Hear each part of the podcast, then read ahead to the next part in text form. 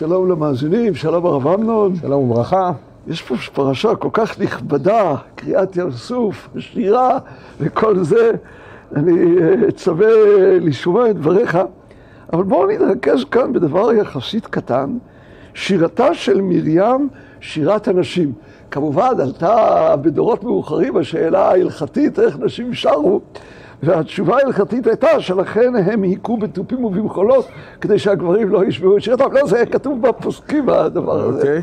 אבל עדיין, אולי uh, תחכים אותנו בשאלה מה משמעותה המיוחדת של שירת נשים, של שיריית מרים הנביאה, זכותה תגד אלינו.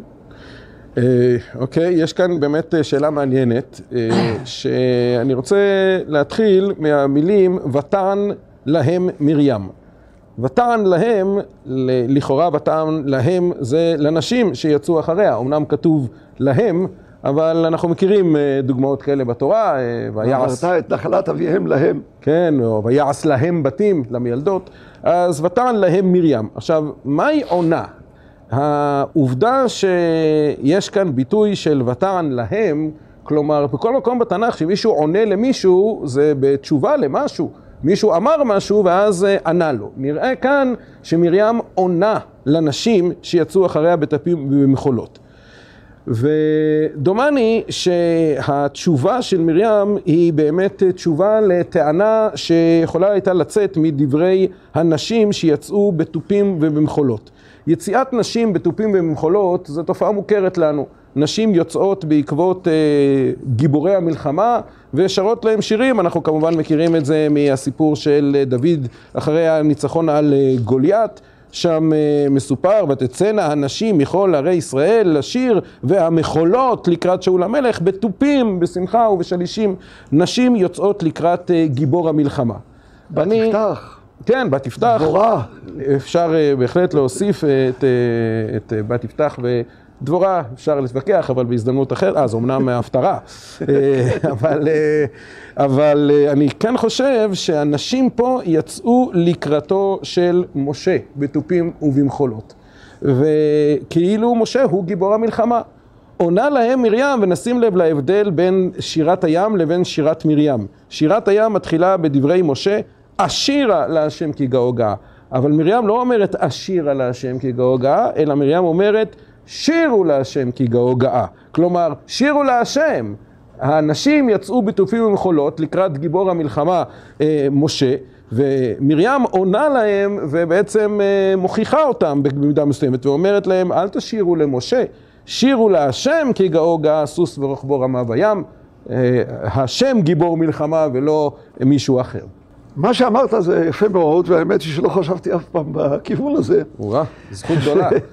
ממילא אני אגיד לך מה ואמינא, מה הייתה המחשבה שלי בדבר הזה, וזה קשור לפסוק האחרון שמופיע לנו בשירה, פסוק מוזר.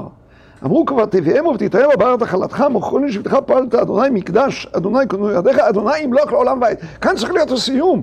כאן גם בתפילה, אנחנו רואים את הפסוק הזה פעמיים. כמו שאנחנו רואים כל הנשמת הללויה הללויה, כל הנשמת הללויה הללויה, שזה סיום תהילים, גם כאן אנחנו רואים השם ימלוך לעולם ועד, השם ימלוך לעולם ועד, מוסיפים תרגום. זה אמור להיות, השם מלכותי קיים לעלם ולעלמי עלמיה. כאן היה צריך להיות הסיום. מה זה הפסוק האחרון? כי סוס. אני חושב, נשים לב לפסט פרפקט. לא כתוב ויבוא סוס פרעה. כי בא סוס פרעה. כלומר, אנחנו חוזרים לנקודת ההתחלה, ואני חושב שאנחנו חוזרים כאן לקריאת ים סוף.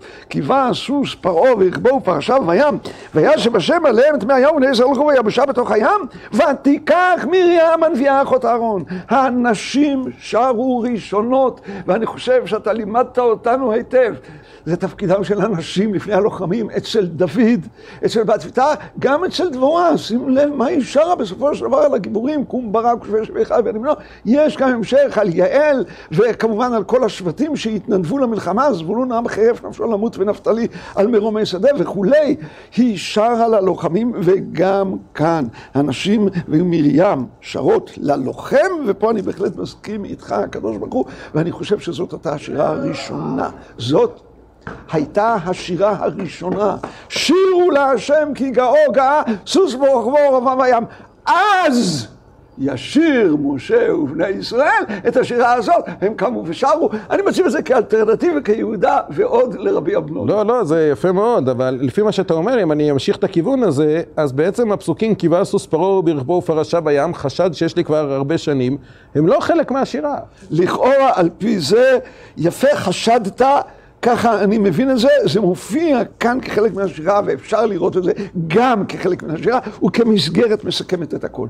אבל יש לזה גם משמעות, חוזרים להתחלה ולשירת הנשים שהיא הייתה הראשונה והיא עוררה את משה ובני ישראל לשיר, אז היא השיר. יפה, אז uh, בשכר נשים צדקניות... נגאלו ישראל, ישראל. שבת שלום ומבורך. שבת שלום ומבורך.